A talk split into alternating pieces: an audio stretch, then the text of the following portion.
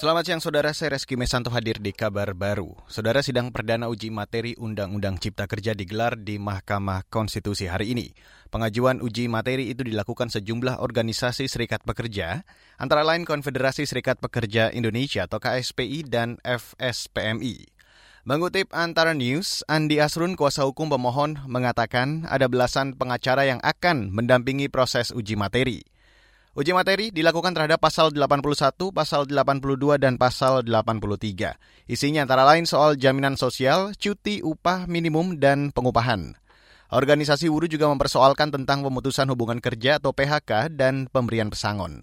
Ada lebih dari 90 hal yang akan disampaikan dalam sidang perdana pembacaan permohonan uji materi Undang-Undang Cipta Kerja di MK. Kita beralih ke informasi selanjutnya, Saudara. Angka pengangguran di Indonesia terus bertambah akibat dampak pandemi COVID-19. Menteri Ketenagakerjaan Ida Fauziah mengatakan, saat ini ada lebih dari 9 juta orang menganggur, sedangkan lebih dari 1,7 juta orang kehilangan pekerjaan saat pandemi. Menurutnya hal ini sangat berdampak pada perekonomian negara karena menurunnya daya beli masyarakat. Data BPS terbaru menunjukkan bahwa Agustus 2020 angkatan kerja kita mencapai 138 juta orang, terdiri dari 128 juta penduduk yang bekerja dan 9,77 juta penganggur. Adapun tingkat pengangguran terbuka mencapai 7,07 persen. Pandemi berkontribusi signifikan dalam menambah jumlah penganggur dan TPT. Menteri Ida Fauziah mengatakan pemerintah mengeluarkan berbagai program dan kebijakan untuk mengatasi masalah ketenaga kerjaan. Salah satunya kartu prakerja. Ia berharap hal itu bisa meningkatkan kemampuan masyarakat.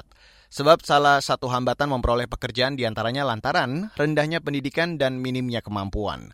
Selain itu, kata dia, saat ini ada percepatan perubahan ke digitalisasi yang belum bisa diikuti masyarakat. Saudara, 30 orang personel Polres Kota Jayapura, Papua hari ini diperiksa terkait kaburnya 14 tahanan dari sel Polres. Personel yang diperiksa antara lain petugas penjaga tahanan dan Sentra Pelayanan Kepolisian Terpadu atau SPKT. Kapolres Kota Jayapura Gustaf Urbinas menduga ada anggota polisi yang lalai saat tahanan kabur pada 17 November 2020. Sebab kata dia saat belasan tahanan kabur, situasi di lantai 2 sel Polres Kota Jayapura sepi mereka lolos dengan membobol jendela ruangan lantai 2. Ada kelalaian, ada ruang kosong di antara jam tersebut, di mana piket kita juga yang di taksi ini bergabung ke depan dan posisinya juga lalai juga tidak melakukan penjagaan dengan baik terhadap makhluk ini. Kapolres Kota Jayapura, Gustaf Urbinas, mengatakan delapan di antara mereka yang kabur merupakan tahanan titip kejaksaan negeri setempat. Tiga tahanan yang kabur telah ditangkap di dua lokasi berbeda di wilayah kota Jayapura pada 21 November 2020. Dan hingga kini tim Polres Kota Jayapura masih mencari 11 tahanan lain. Polisi mengimbau agar mereka segera menyerahkan diri. Pihak keluarga juga diminta bekerja sama dengan kepolisian. Dan saudara, demikian kabar baru pukul 14 saya, Reski Mesanto.